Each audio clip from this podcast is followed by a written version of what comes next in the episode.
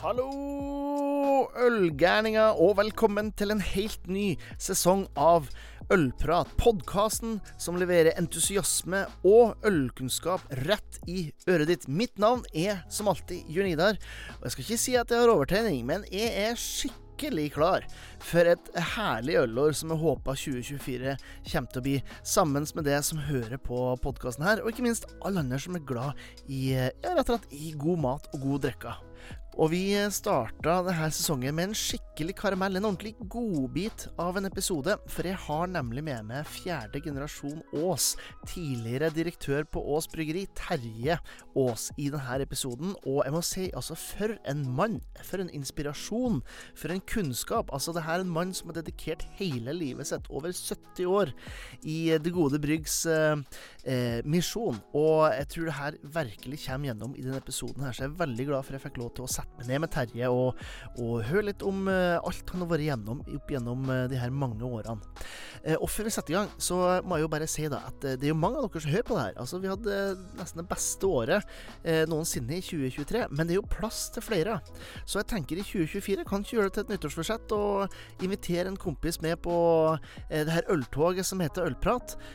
tips dem om podkasten, om kulinarisk ølprat. Altså rett og slett bare del ølgleden, sånn at flere kan høre denne fantastiske episoden med Terje, men òg få enda mer ølkunnskap og ølglede ut til folket. Vi trenger mer øl og kultur, som Terje ville ha sagt det. Vet dere hva, nå har jeg snakka nok om Terje. Det er på tide å høre fra han.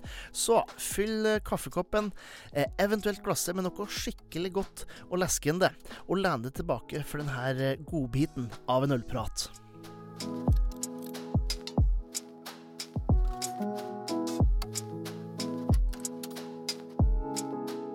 Jeg har lyst til å først og fremst si at jeg syns det er veldig hyggelig at uh, noen befatter seg med noe som heter ølprat. Ja. Vi kan ikke få snakket nok om, nok om øl.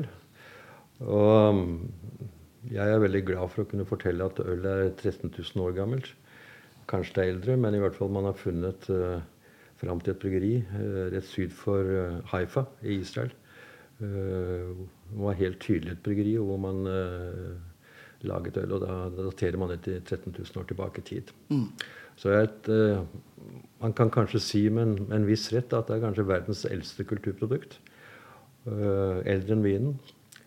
Og vi er jo nå på en måte i det området som liksom vin oppsto. Det er jo det babylonske, babylonske riket. Landene, landene Syria, Irak, Iran, Israel, Egypt.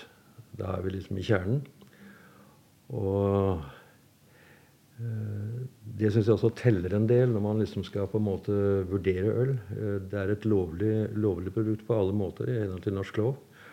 Og hvis vi går til Norge, så regner vi gjerne at ølindustrien går tilbake 5000 år. Mm. Og det har man funnet tydelig bevis på. Og man ser at det er de samme prosessuelle skrittene som, som, i dag. Men det er klart at det gamle ølet smakte nok ikke så veldig godt bestandig. Og det som også er fint å tenke på, uh, for at vi har etter hvert fått et mikrobryggeri på Ås bryggeri, og da var det jo alltid viktig at bakeri og bryggeri skulle ligge rygg mot rygg. For at begge brukte mye varme. Og sånn har vi fått det til nå. I Oppmyk bryggeri så har vi da et bakeri på, rett på den andre siden. Og der driver naturalhusholdning. Mm. Hvor de får på en måte enten uh, maske av oss, eller at de får litt gjær av oss, og så får vi restbeholdningen av brød fra dem. Mm. Og da syns jeg liksom Da syns jeg, vi, det er, da synes jeg det er noe som stemmer. Ikke sant? Uh, det var nok, I gamle dager så var det nok en veldig på en måte spørsmål liksom kom brød eller ølet først. Det som var avgjørende, var på en måte at folk begynte, at nomader begynte å settle down. Og at de trengte kanskje både brød og øl. Men vi har det ut, tyske uttrykket 'das flüssige Brot', det flytende brød. Så det kan nok være at overgangene mellom øl og brød uh, var ganske, ganske, flytende i gamle dager. Mm. Men i dette opprinnelige uh, Altså det mesopotamske, babylonske riket, der hadde bryggerne de hadde en veldig høy posisjon. Og de gikk gjerne bak fyrstene når det var opptak, opptog. Eh, og spesielle ølanledninger. Og de var også flinke, ble det sagt, på produktutvikling. Så det skulle vært morsomt å ha hatt noen av de gamle, gamle reseptene. Mm.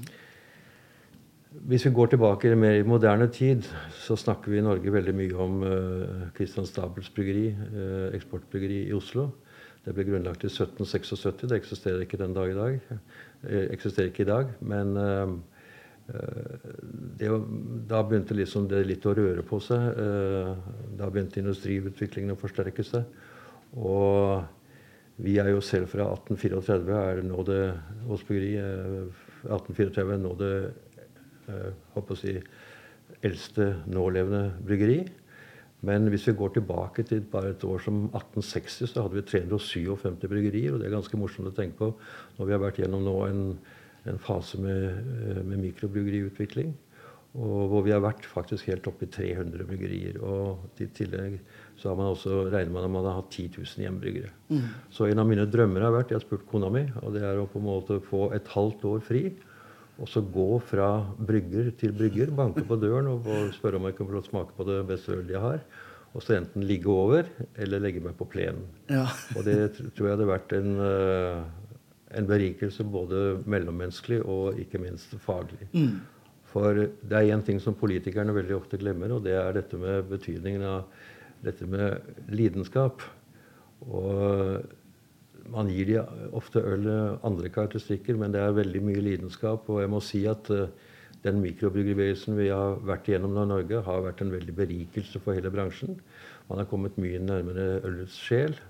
Man har på en måte virkelig virkelig på en måte fått fram uh, muligheten og bredden, uh, hvilke typer øl man kan lage. Jeg tenker tilbake på, på bransjen Den norske bryggeriforening. De hadde altså et kartell fra 1834 til 1987. Fra, beklager, fra 1934 til 1987, 52 år. Og i den tiden så fikk norske bryggerier bare lov til å lage ti øl. Og det var de ti samme ølene som hvert bryggeri måtte lage. Pils, Bayer, Bukkøl, juleøl, eksporter osv. Det er jo en liten tragedie, uh, for å si det, si det mildt. Uh, og i dag har vel ca. 2500 forskjellige merker, og man regner at man ligger på ca. 50 000 merker i, i verden. Mm. Så det er mye å ta, og, og, mange store opplevelser som ligger foran de aller fleste, aller fleste mennesker. Ja, for det er jo litt, er jo litt interessant, for at, uh, det er jo 190-årsdagen til, til, Eller ikke dagen, men året til, til Ås. Nesten 200 år med, med, historie. Og du har jo vært uh, en del av denne historien i nesten 70 år. Så du har jo selvfølgelig eh, sett veldig mye på de årene. Du nevner jo det her med kartellene. jo bare én av altså, uhorvelig mange ting som har, eh, har vært i, i, løpet av de årene. Men, men når, når Ås bryggeri starta, så det var jo ikke sånn jeg forstått det, så var det ikke bare øl som ble brygga. Eh, det var òg en god del handel. og i hele tatt. Hvorfor er akkurat den lokasjonen som Ås eh, bryggeri ligger på i dag, er jo nesten det samme som for nesten 200 år siden. Hva er det som gjør dette området såpass bra for etablering av et bryggeri på den tida, tror du? Jeg tror at uh, For det første, Drammen kommune ble grunnlagt i 1811. Og jeg tror man var litt opptatt av hva som er liksom nødvendig infrastruktur i en, i, en, i en, by som er under utvikling. Og man fant vel ut at dette med, med bryggerivirksomhet det hører til. Og så var man også litt plaget av konkurranse fra Oslo. Et bryggeri som het Youngs bryggeri, som er heller ikke eksisterende dag i dag. Så jeg tror dette her at noen skulle ta opp hansken og, eh, og, og, man drakk jo mye øl. Det ble fortalt at de, tilbake til 1762 eh, har vi tall. Da, da, hadde vi, eh, da, hadde vi, 62 avtapningssteder for øl i, Norge, i, i Drammen. Mm. Så det viser at øl har vært en, en viktig vare. Og, og, at vi tilfeldigvis kom hit, det var kanskje noen som tenkte at det kan alltid være lurt å ligge ved elven. Mm. For uh, Drammenselva er jo liksom på en måte litt av navet i, i, Drammen. Mm. Og dette heter Nedre Sund, og så har vi et Øvre Sund. Og dette er betegnelse for, for de stedene man rodde folk fra den ene til den andre siden. Uh, så kom jo den første broen vår, den kom i 1813. Mm. Og da ble jo det lettere. Men uh, Eh, vi har ligget her i 190 år. Mm. Akkurat på samme flekken. Bare det at nå har vi hele kvartalet. Den gangen hadde vi en mindre eiendom. Eh, men jeg tror det på en måte er en del av en, naturlig infrastruktur i et land. Og så, og så har man alltid, før man eh, ble en by, og før man greide å få bygget en bro, så var man veldig redd for konkurransen på den ene siden fra Tønsberg og på den andre siden fra, fra Kristiania. Mm. Så vi er veldig fornøyd med beliggenheten vår, ikke minst fordi at man har streng, et strengt alkoholregime i Norge. Øh, og her i hvert fall kjører togene forbi hele tiden, og bilene forbi, så vi er på en måte en levende reklame. Og Derfor har vi også lagt litt øh, vekt på hvordan vi ser ut mm. mot omverdenen. Og dette med belysning har vi hatt i veldig, veldig mange år. Mm. Belyse bryggeriet om natten. Så det er jo faktisk noen som tror at dette er er Slottet, og ikke bryggeriet i Drammen. Så det syns jeg er hyggelig å høre. Men eh, det var ikke vi som startet opp. Det var ikke min familie, altså oss familien som startet opp. Det var en som het Ole Persson. Og han var så viselig at han hadde i grunn fire områder. Han hadde bakeri, som jeg fortalte om tidligere, og bryggeri, maltgjøreri, som det het, og skipsproviantering. For Drammen har jo vært blant de aller største uh, utskipningshavner og eksporthavner i Norge. Det har vært nummer to. Og, og, det er nok en av grunnene til at man drev veldig mye med skipsprovantering. Mm. Og uh, min oldefar han fortsetter med dette også gjennom parter i båter. Uh, for da fikk man på en måte sikret leveransen. Det er som man i dag jobber med utliv. Uh, så de fire områdene de, de utfylte hverandre bra. Da vi fikk den store brannen i Drammen, så var vi litt ute av drift en stund. Rent produksjonsmessig. Men uh, provisjonshandelen var i gang med en gang. Mm. Uh, og det var provisjon. Det var på en måte full utrustning. Det kunne gå 40 sledelass over, over isen ut i Svelvik, som ligger lenger ute.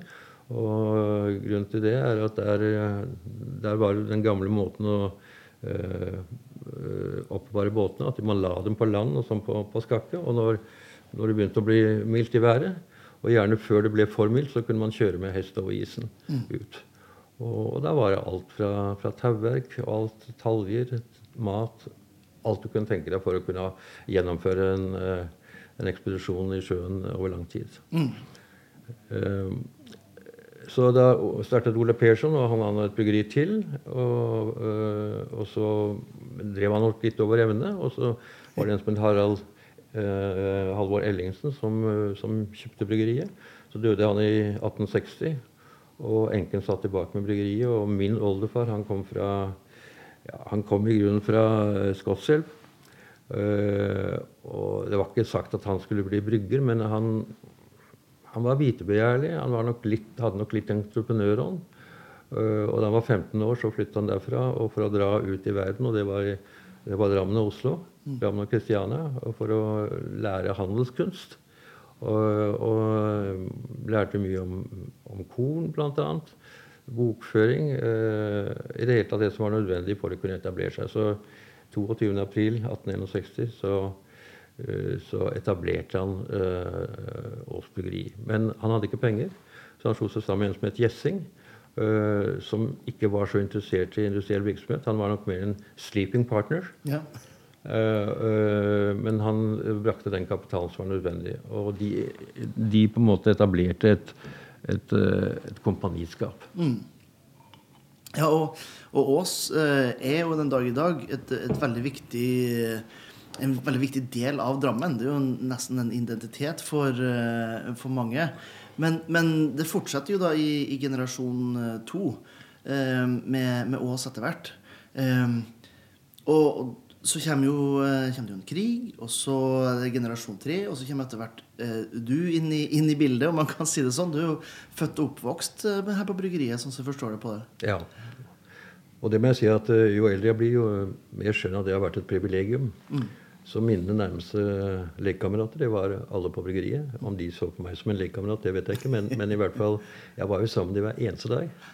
Og jeg krøp rundt i alle kriker og kroker. Og det var jo spennende bryggeri i gamle dager. For det første var det trangere, det var mørkere, det var grønnere. Og, og det var liksom en sånn egen verden. Mm. Og så hadde vi jo brenselsforretningen som kom litt senere. Den hadde vi også eh, lenket til bryggeriet, som var veldig praktisk. Eh, så det ble en lekeplass. Mm. Uh, hvor man naturlig samler seg når, man, når venner kom på, kom på besøk osv. Bare si et par ting. altså Dette kompaniskapet det, det varte til uh, 67, for da fikk vi den store brannen i 1866. Og da var plutselig over i, i løpet av én natt så sto 40% av drammenserne uten tak over hodet. Og da fant uh, Gjessing på at han gjerne ville gå ut. Uh, og de, mynte, de skiltes i, ja, på en vennskapelig og hyggelig måte. Og da fortsatte Per Lauritz Aas uh, fram til 1904 i 1888. Det er et sånt merkeår her i bryggeriet, for da fikk han forespørsel fra et engelsk konsortium som, om de var interessert i å selge bryggeriet til dette konsortiumet. De var på, i Norge for å uh, se på uh, industrielle foretakene, og Ås bryggeri kunne vært interessant. Mm. Men han stilte så sterke betingelser at uh, det ble ikke noe i første omgang. og Så kom det tilbake en gang til på høsten, og da var i hvert fall ikke betingelsen fra hans side mindre. Eh, og så på en måte eh, ble det ikke noe av dette eh, ble det ikke noe av denne invitten fra dette engelske konsortiet. Nei. Men så han fortsatte da fram til 1904. Da døde han. Og han var veldig opptatt av før han døde at han skulle få et familieaksjeselskap. Og det var jo Han hadde jo åtte barn fra uh, annet ekteskap. Ett barn fra første. Men der døde hans første kone døde i, i barsel.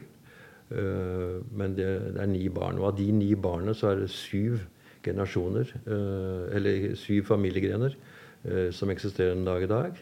Og som har aksjer i bryggeriet. Og vi har nå fått sjette generasjons aksjonærer. Mm. Vi er ca. 130. Det, det skjer stadig litt endring ved dødsfall og på en måte fordeling av, av tidligere aksjebeholdninger. Men uh, vi er ca. 130 aksjonærer i dag. Og jeg må si at I min tid som, uh, som dagleder så var jeg veldig opptatt av dette med forhold til familien. For én uh, ting er å ha et økonomisk problem som blir, blir på en måte slått opp i pressen, men jeg syns det er mye vanskeligere når det er familieproblemer. Mm så var generalforsamlingen vår alltid veldig viktig. Og når alle kommer med hver sin eh, advokat, da skjønner man at det er noe som ikke stemmer i familien. Og så må man gå litt i tenkeboksen, og så roer det seg gjerne ned. Så vi er veldig, veldig glad for at, eh, at, eh, vi greier å holde sammen. Og jeg skal ta litt om de andre generasjonene, men jeg, jeg stiller meg ofte spørsmålet hvorfor er vi blitt 190 år? Og, og jeg er alltid litt forsiktig når jeg sier det. for at det kan virke litt sånn som selvskryt og sånn, men jeg tror det er noen ting som er viktig. For det første så tror jeg det er, det er et veldig sånt følelsesmessig bånd mellom, uh, mellom eierne og, og, og, bryggeriet. Og det tror jeg på en måte oppsto i første generasjon. For uh, da var man veldig nær. Man hadde mye sosial kontakt. Og, og det var en familie som fungerte greit. Jeg tror også på den måten har vært en, en, slags form for nøkternhet. Altså, vi er ikke glad i på en måte, Vi vurderer risiko veldig mye. Uh, vi har hatt medarbeidere som har vært uh, de, de, som har vært lengst av familie, har vært 150 år i bedriften. Mm. det tror jeg betyr veldig mye for stabilitet og forutsigbarhet. Og da skjedde på en måte kunnskapsoverføring fra den ene fra den ene delen av familien til neste generasjon. Det tror jeg betyr mye. Og så er det én ting som jeg tror er veldig vesentlig når jeg ser også på norsk næringsliv generelt. Det er dette med investeringer. Vi har prøvd å investere så godt vi har kunnet hele tiden. Og det er vel ikke et år vi ikke investerer. Og mm. jeg har alltid hatt veldig stor respekt for det å på en måte få en sånn stor haug med uforløste investeringer, og så plutselig skal det ta veldig mye på kort tid. For vi har ingen rike aksjonærer. Eh, vi henter aldri penger fra, eh, fra eierne våre. Eh, så vi må tjene de selv eller låne dem. Mm. Og det har vært morsomt da å hoppe over til eh, norsk økonomisk politikk, men det kan vi ta etterpå. For at uh, vi er ikke en subsidiert bransje. Tvert imot.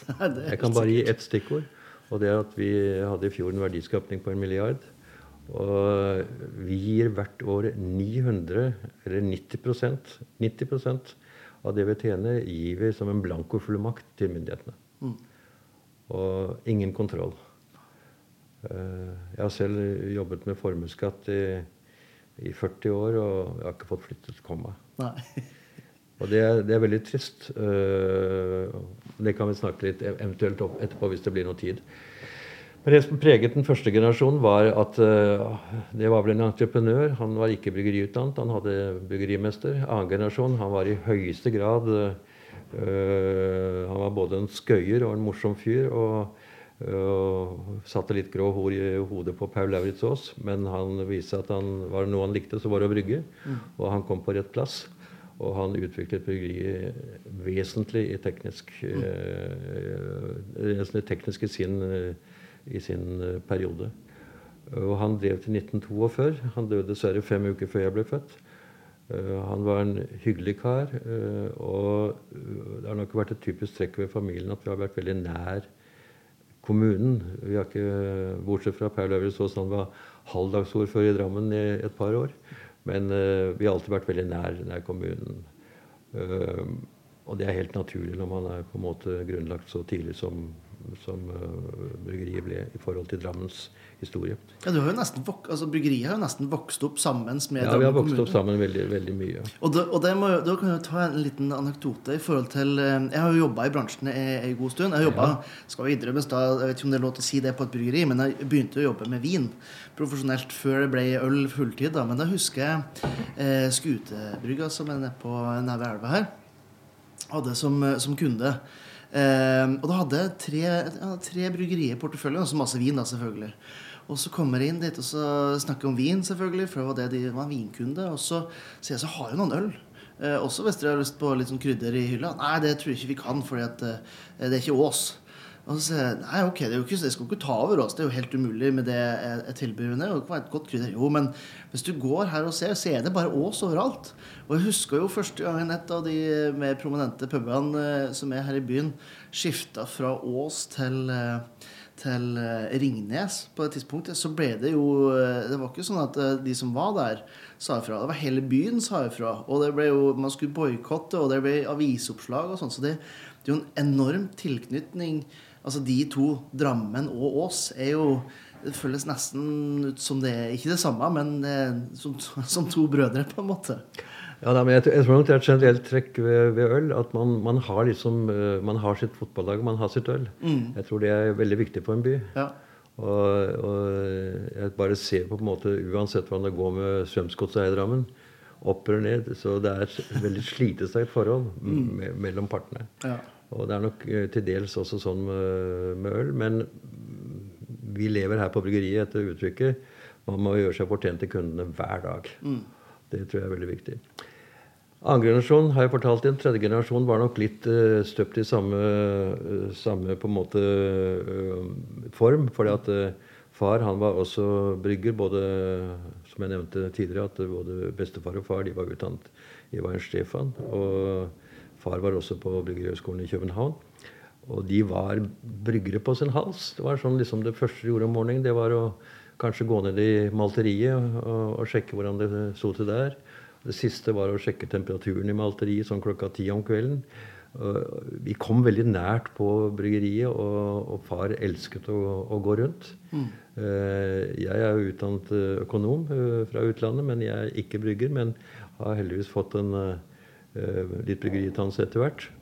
Og eh, jeg overtok i 1979, og eh, for meg Det som kanskje var den store utfordringen for meg, var å, å gå fra et kartell til kjedifisering. Mm. Altså med de fire store dagligvarekjedene. Og markedsføring blir jo veldig mye tydeligere ting. og Salg og markedsføring blir en veldig mye tydeligere, tydeligere ting. For det er helt klart at den tiden man hadde kartell, så Eh, var nok eh, eh, byggerisiden eller leverandørsiden var sterkere i forhold til salgssiden. Mm. Men, men, det har jo endret seg etter hvert som kjedifiseringen har gått videre og dagligvarekjeden har fått mer innflytelse. Og, og Christian har Min eldste sønn han har nye utfordringer. og Veldig mye i dette med bærekraft. Og, og han har i meget stor grad rasjonalisert bryggeriet etter at jeg gikk av. Og han er, en, han er en økonom, men han er en, det jeg kaller en praktisk økonom. Mm. og, og, det har øh, betydd veldig mye for bedriften. Bedriften har svart mye penger på, på grunn av han. Mm. Så det er liksom litt sånn i veldig grove, grove trekk i uh, vår utvikling. Det som er spennende nå, er selvfølgelig at nå har danskene overtatt uh, 80% av det norske ølmarkedet. Uh, som jeg syns er trist. Jeg syns det var hyggelig den tiden hvor vi liksom hadde et forhold til Ringnes, og vi hadde et forhold til Hansa Borg osv. Uh, men situasjonen er nå, nå er det Mack og Aas som liksom er de, de siste rene familiebryggeriene. Mm. Uh, og vi får se hvordan verden blir fremover. Uh, det er klart at de har jo eh, uante eh, økonomiske krefter. De to danske firmaene Carlsberg og, og Royal Unibrew. Men det kan være at det er nyttig å ha, hvis vi steller oss på en ordentlig måte og driver bedriften godt, at det er nyttig å, nyttig å ha, ha, et par bryggerier i tillegg. Vi får se. Men, jo... Men vi, vi må i hvert fall gjøre oss Om ikke Eh, mindre enda mer fortjent til kundene våre hver eneste dag. og Dvs. Si å være nær kundene våre og oppføre oss ordentlig. Det, mm. det, er viktig.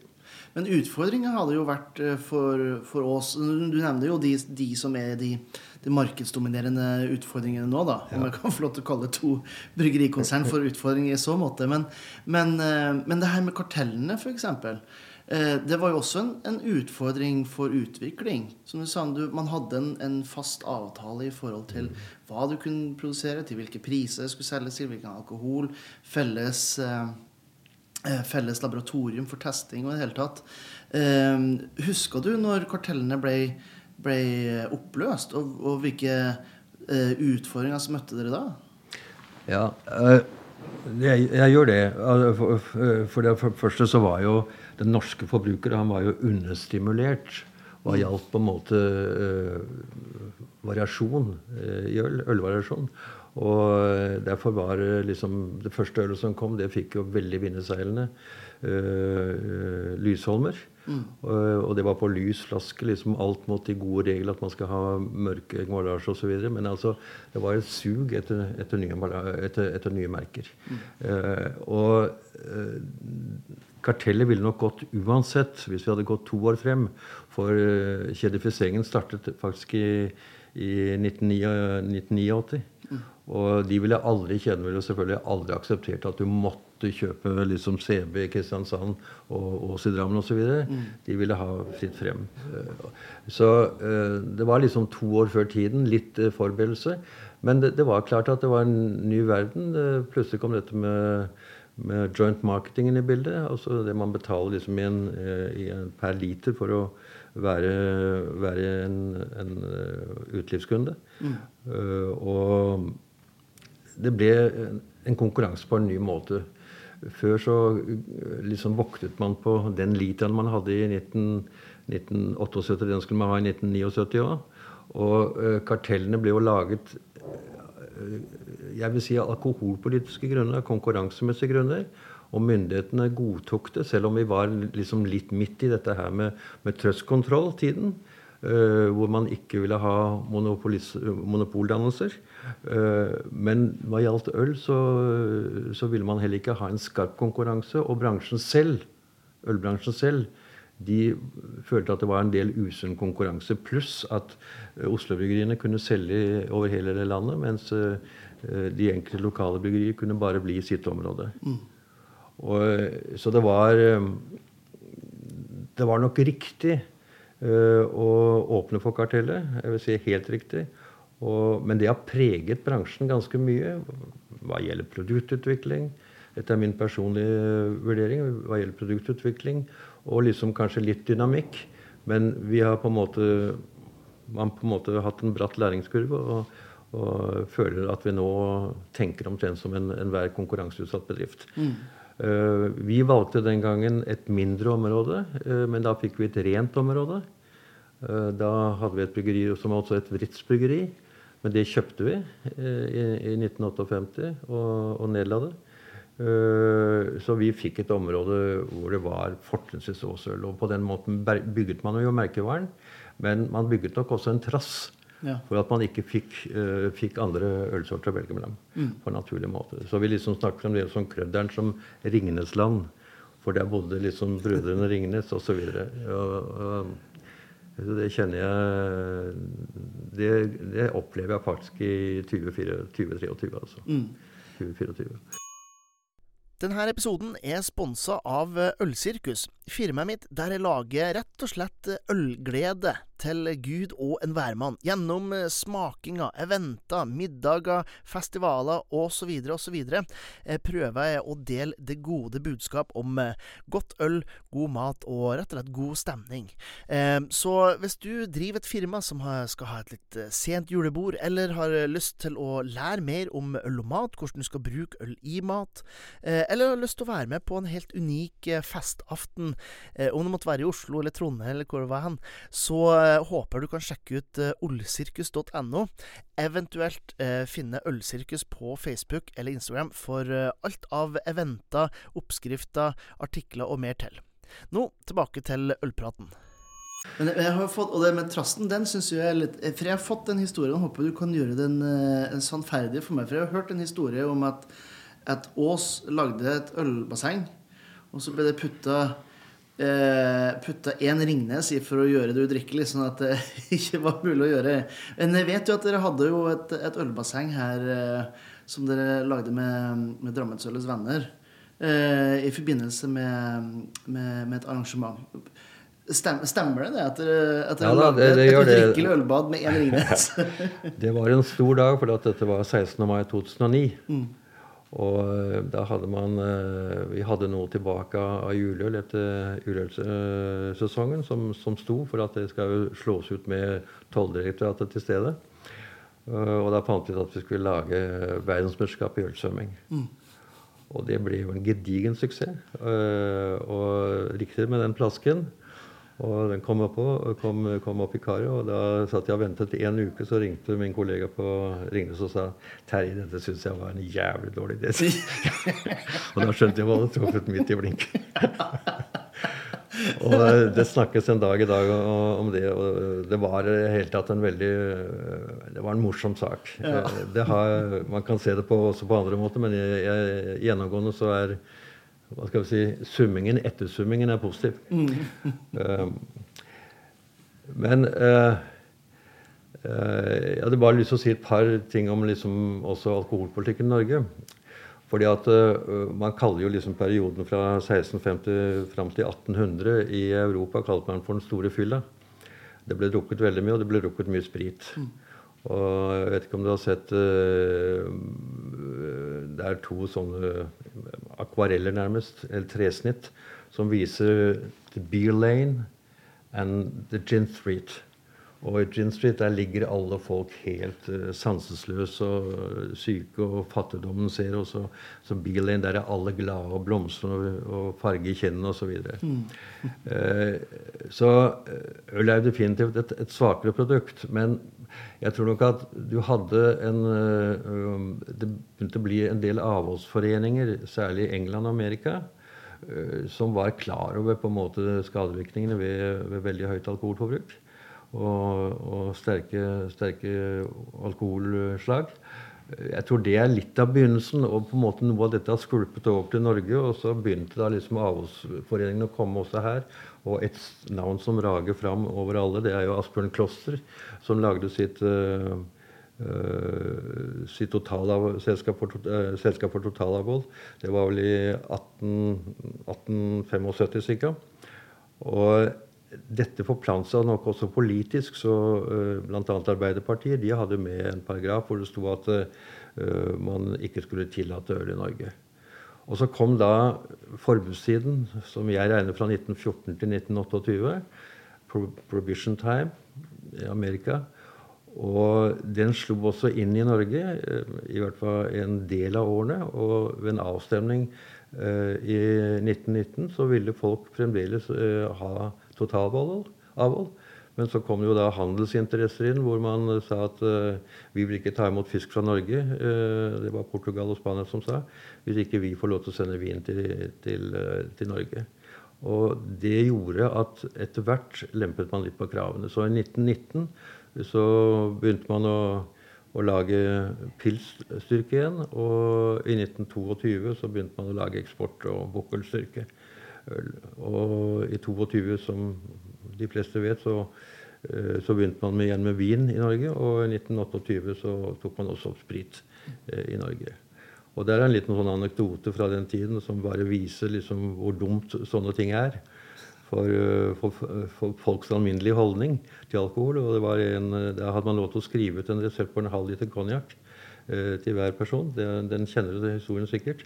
Men da var det én lege som rett og slett skrev ut 48 000 resepter på, på ett år for å avhjelpe nøden. Men uh, det som var eh, plagsomt både i 1914, 1918, den første verdenskrig og den andre verdenskrig, var jo mangel på, mangel på malt.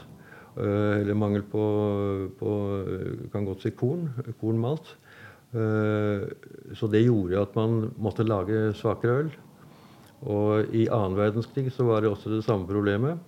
Det gikk greit i begynnelsen, men så kom tyskerne inn, og de lagde en deal med Norske Bryggeriforening som jeg alltid har undret meg litt over. Men det gikk ut på at uh, tyskerne skulle få sitt vanlige 5% pils, mens uh, man skulle da, som motytelse skulle tyskerne gi så mye malt til norske bryggerier at de kunne lage et 1% øl. Ja, til befolkninga, ja. 1 ja, ja, til befolkningen. Så, uh, og det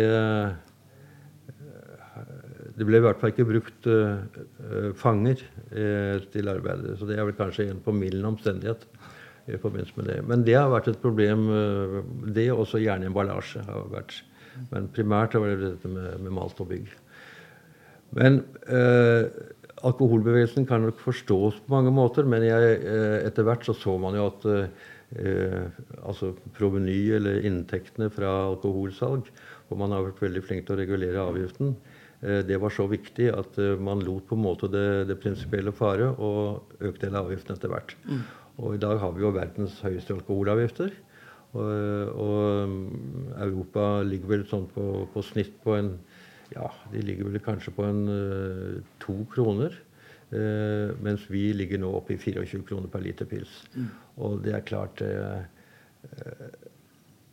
Og jeg må også si det før jeg sier noe mer, så må jeg bare si det at vi sorterer jo under Helse- og omsorgsdepartementet.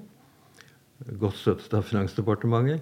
Mens Europa generelt sett ligger under Landbruksdepartementet. Og i Landbruksdepartementet har man en annen ideologi akkurat når det gjelder øl. Det kan være annerledes for andre landbruksprodukter. Men for øl så er det slik at de er opptatt av god smak, historie, ølets historie, sysselsetting, arbeidsplasser, verdiskapning. Uh, mens uh, Helse- og omsorgsdepartementet er opptatt av alkoholrelaterte skader. Mm. Og jeg bare ser eh, ofte med misunnelse på Danmark. Virker nesten, Bryggeribransjen virker nesten Eller øh, Landbruksdepartementet i Danmark virker nesten proaktive i alkoholpolitikken i forhold til, i forhold til øh, Dansk Bryggeriforening. Mm. Så øh, ideologi betyr veldig mye. Og vi har etter min Jeg er selvfølgelig ikke helt habil, men Men vi har etter min mening eh, gjennom alle år hatt en veldig mild og forsiktig eh, eh, reklamepolitikk. Mm. Det freskeste jeg kan huske, var en film som kom i 20-årene. Som var ganske frisk og med god melodi. og Hvor du liksom så at man hygget seg med øl ute i naturen. Og så det da, kom det et slagord som jeg alltid har vært veldig glad i, som heter mor er knuppen med vørter i puppen. Nå er det ikke, er det ikke så, så, veldig mye alkohol i vørter, men allikevel, det viser at det var en litt friskere tone.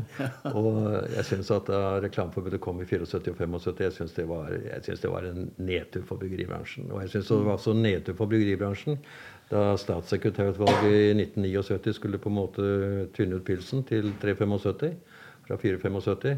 Da, men det som var det positive, var at det plutselig sto ut av intet. Så oppsto det liksom en bevegelse som vi, liksom, vi skulle ta vare på pilsen. Det kom fra intet, og det ble organisert, og man reddet pilsen. Takk og pris. Mm.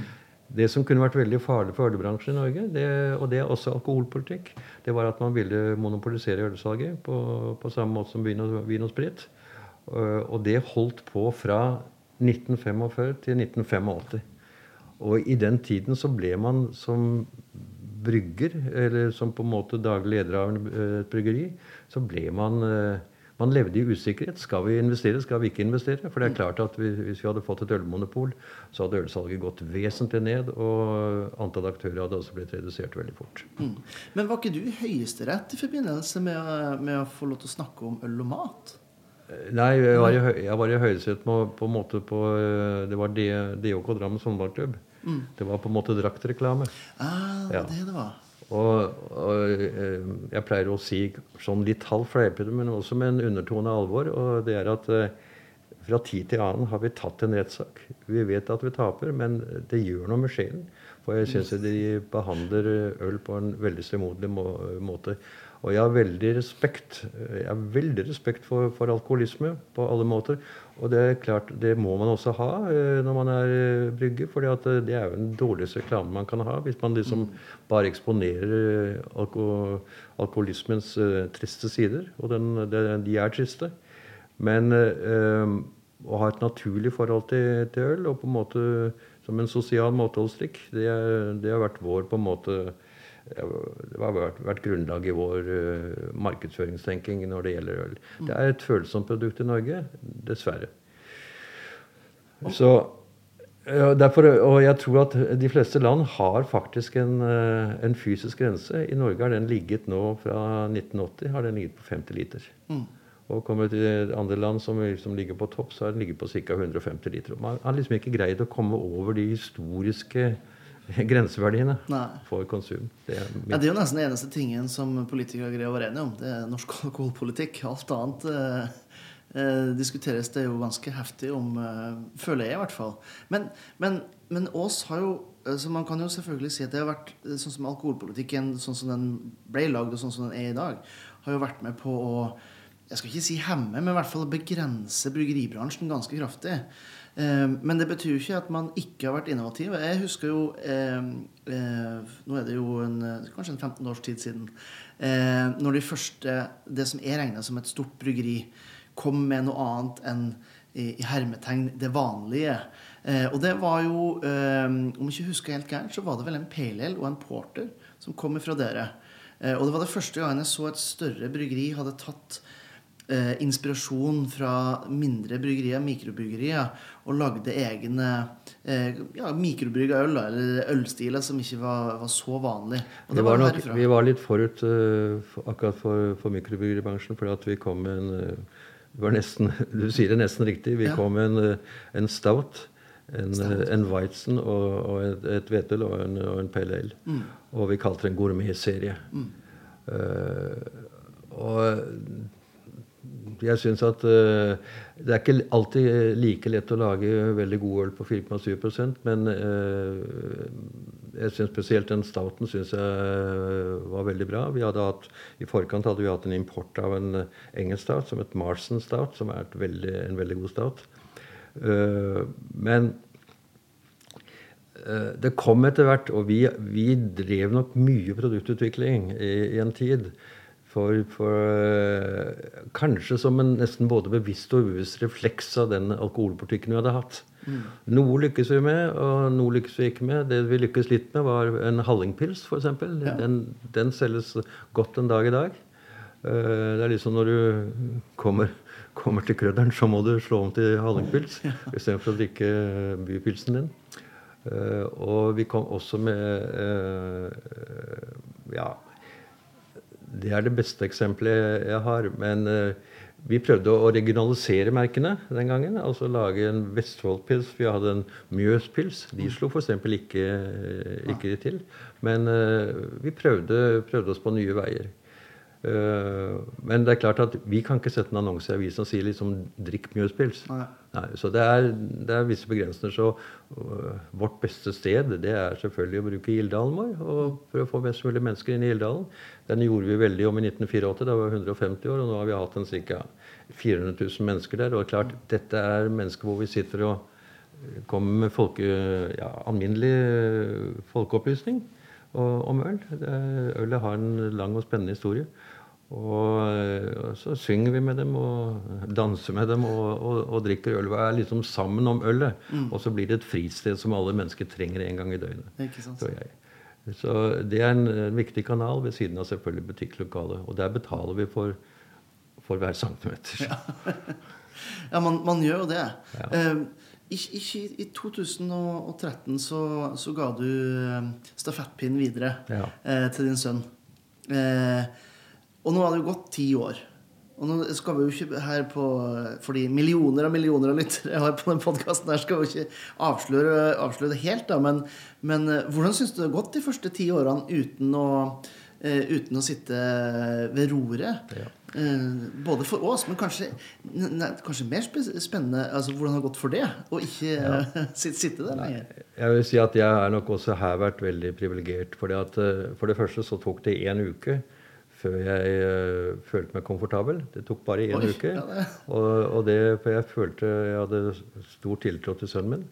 Og, og jeg har ikke blitt skuffet på noen måte. Han er han har gjort ting som ikke jeg hadde fått til. rett og slett. Han tok en del beslutninger som var eh, ganske emosjonelle for meg. Mm. Uh, og eh, det gjorde han ganske elegant. Og det som jeg fortalte tidligere, at han er i grunnen en, en sånn jack of all trades. Han, han, er liksom en handyman. Og han deltar selv ofte i, i å ja, på en måte få, få tekniske prosjekter gjennom. Han liker seg ute i bedriften. Mm. Han har gjort Og jeg liksom har sett oppussingsprosjekter hvor han har kanskje gjort det for tredjeparten av prisen. Så han har spart Ås Bryggeri for, for, en masse utgifter. Så jeg syns jeg, jeg, er veldig takknemlig for at han kom, og så kom den andre sønnen min inn. Uh, og de to er uh, Jeg er ikke så, så handyman, men han er han, han, er også mer handyman enn meg, den andre sønnen min. Og, og de to har komplementære ja, De har en komplementære styrker, og, styrker og, og, de på en måte føler at de er litt avhengig av hverandre, mm. rett og slett.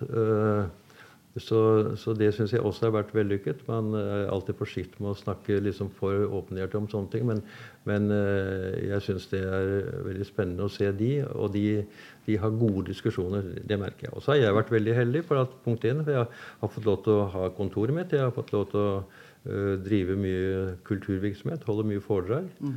Uh, jeg syns det er veldig morsomt dette med brygging, som jeg fortalte. Og jeg, jeg, var den som begynte på mikrobryggeri som vi har her i huset. Mm. Det syns jeg også var veldig artig. Men uh, så jeg, uh, jeg, er nok veldig opptatt av kultursiden også vel. For at, uh, der kan vi, etter hvert som det blir færre aktører, kan vi på en måte bli synligere. Ja. Og det er ikke så lett å selge kulturelle verdier bestandig, men jeg, jeg, jeg, tror personlig at det er viktig også i fremtiden for å særmerke oss litt i forhold til andre. Det er ikke så mange som under en streik kan liksom overta teknisk eh, brygging, sånn som Christian, eh, min eldste sønn, gjorde. Og eh, jeg tror, jeg tror sånne enkle ting tror, tror jeg veldig på. Mm. Men jeg er veldig takknemlig skulle, at, vi, at, vi, har fått til en, en, fortsettelse. Vi har hatt fem generasjoner som alle sammen har bodd på bedriften. De har mm. vært sammen med de ansatte. Og, og jeg tror personlig sånne ting er en, en styrke. Uh, og jeg tror det for oss i fremtiden blir det veldig viktig at vi, at vi ser på oss som likende, og at vi, vi, kan greie å matche den konkurransen som er. Hvis det ikke blir sånn at de virkelig bruker muskler, da, da kan det være at vi må tenke, tenke annerledes. Men uh, jeg, uh, i min innerste drømmer, så har jeg et evighetsperspektiv på bryggeriet.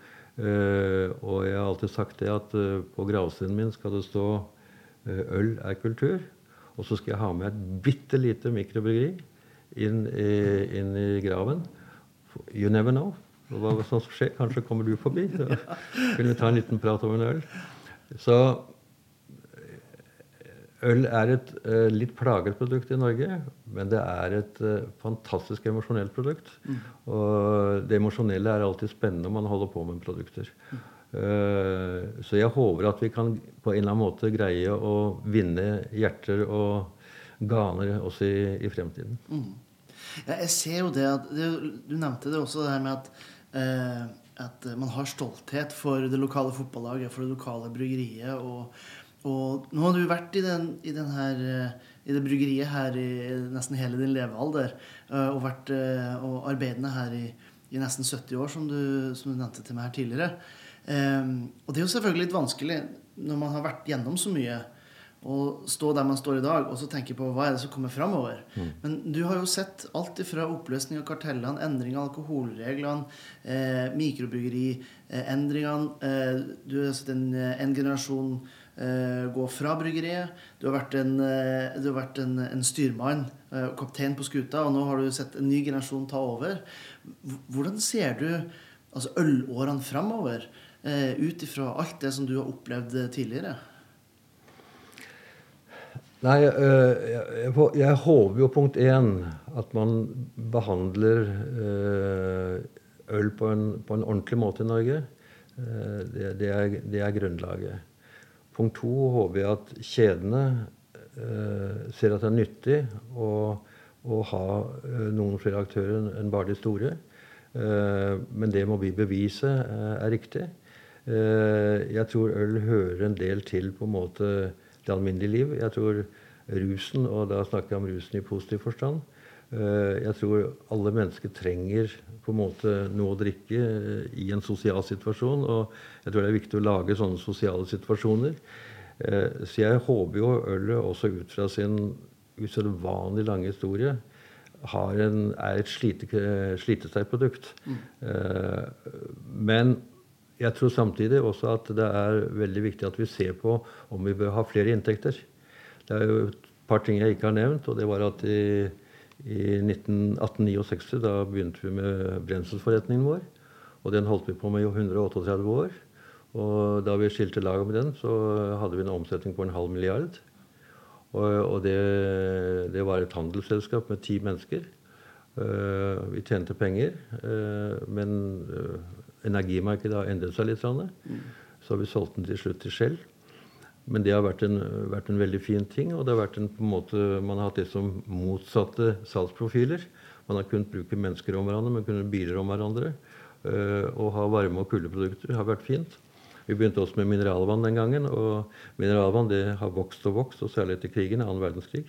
Og Coca-Cola begynte å samarbeide med fra 1957, og det hadde vi 43 års ekteskap med. Og, og Eh, Coca-Cola endret seg nok litt i sin tid. Eh, de gikk fra kanskje å være veldig nært det lokale markedet og, og, si at nei, vi må på en måte, nå har vi bygget opp markedet så godt i Norge, så nå kan vi like å ta, drive det selv. Det som syns jeg var veldig trist. Men vi lærte to ting av Coca-Cola veldig, veldig, godt. Det var kvalitet og markedsføring. Mm. Det, der var de usedvanlig dyktige og veldig på hele tiden. Og vi ble sammenlignet uh, månedlig med uh, bryggerier i veldig mange land. Mm. Men jeg tror altså at vi trenger flere inntekter. Og Kristian har jo startet opp med dette med, med eiendomsutvikling. Og dette er noe han har interesse for og, og, glad i. Og jeg håper det kan utvikle seg. Og jeg skulle ønske at vi kunne kanskje finne andre inntekter, kanskje innenfor energiområdet på en eller annen slags måte. Jeg, jeg har lyst til på en måte at bryggeriet har et noe bredere, noe bredere inntektsgrunnlag enn, enn, det vi har i dag. Mm. Og, med, og, det viser at eiendom har vært veldig gunstig, hvor ca. 30 av, av eh, eiendom uh, er representert i bunnlinjen. Mm. Så det tror jeg er viktig. Og så må vi på en måte hele tiden jobbe så rasjonelt som mulig. Jeg sier nesten dessverre. fordi at Eh, vi må tenke på slike ting som automatisering og digitalisering eh, hele tiden. Vi kan ikke gjøre noe med det. Eh, for under annen verdenskrig så husker jeg at da, da ble de fleste menneskene på bryggeriet de, de, ble i bedriften. Og vi tok vare på det, og det tror jeg var veldig sunt. Og så var vi heldige at vi satte i gang med, med props. Så vi, jeg beklager, med knott. Eh, med knott. For det er jo liksom en del, en forlenget arm av, eh, av brenselsforretningen. Og vi kjøpte ved og eh, kuttet den i små biter. Og energi ble jo, og tørket den, og energi ble jo en veldig viktig del, særlig på, på slutten av årene. Så vi hadde en stor bedrift der som vi hadde glede av under, under, under tiden. Og så, og så, er det veldig viktig, eh, og tror jeg ikke en måte hele den kulturelle biten av eh, bryggeribransjen. For den er jeg på vegne av historien så er jeg stolt av den. Uh, men vi må ligge i fremtiden hele tiden. Mm.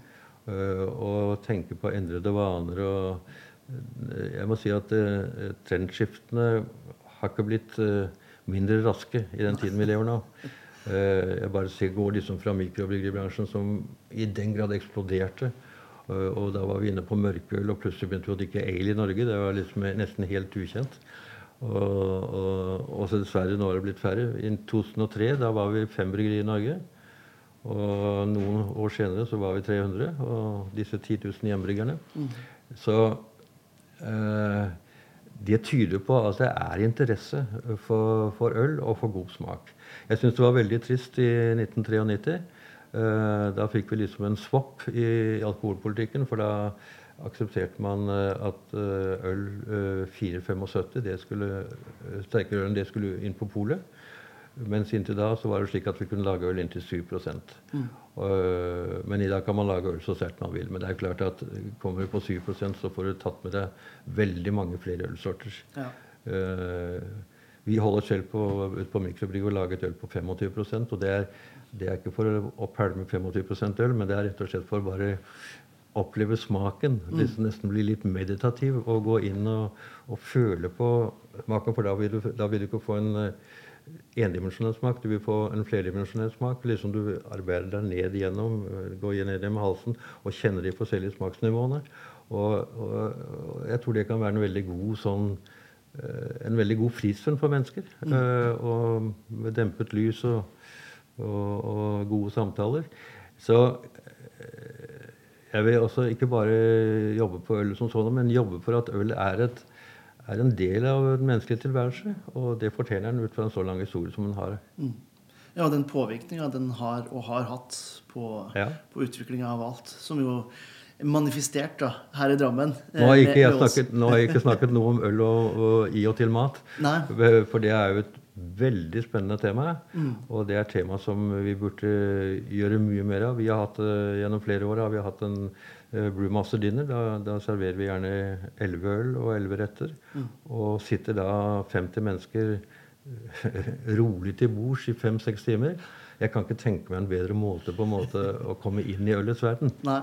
Uh, og øl som har vært uh, laget her på huset da vi hadde mikrobryggeriet, uh, vår bryggerimester Guide, han var veldig oppfinnsom og hadde god, god smak. Det er mm. veldig viktig når du lager øl.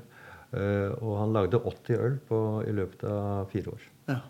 80 ølsorter vi aldri har hatt på bryggeriet. Nei, ikke sant? Så det, det syns jeg var morsomt. Men det er klart det er vanskelig å få lønnsomhet på, små, på så små brygginger. Ja, men, uh, men uh, vi oppdaget ølets verden på en helt annen måte. Mm.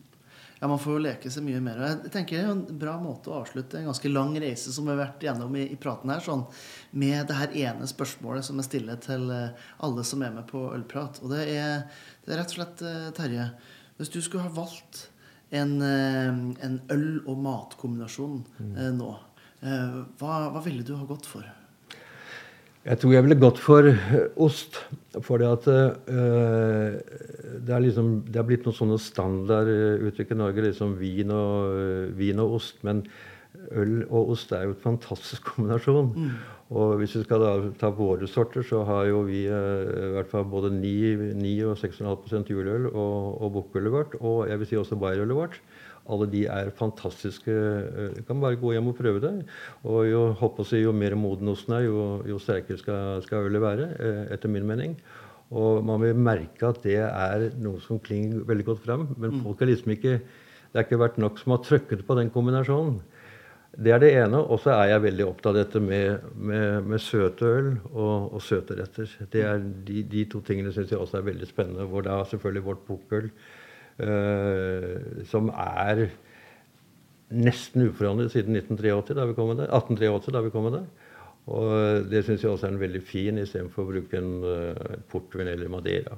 Mm. Uh, og man vil se at det er en god match. Og vi lever jo veldig etter uttrykket 'åpent sinn og åpen gane'. Og, og, det tror jeg flere mennesker burde gjøre. Og da tror jeg man får en mye rikere verden. Så liksom de to tingene uh, fremhever jeg ganske mye. Og hvis jeg skal ta et øl utenfor øh, bryggeriet, så har jeg funnet fram til et øl som jeg er øh, Jeg kan kanskje si det er øh, to øl. Det ene er en Rochefort 10. Og, og det andre er eh, som heter Capolus. Eh, det er et bryggeri fra 1537 i Belgia som har laget en Imperial Dark på 11 og, og det er også en sånn liten feststund å, å drikke seg gjennom en sånn flaske.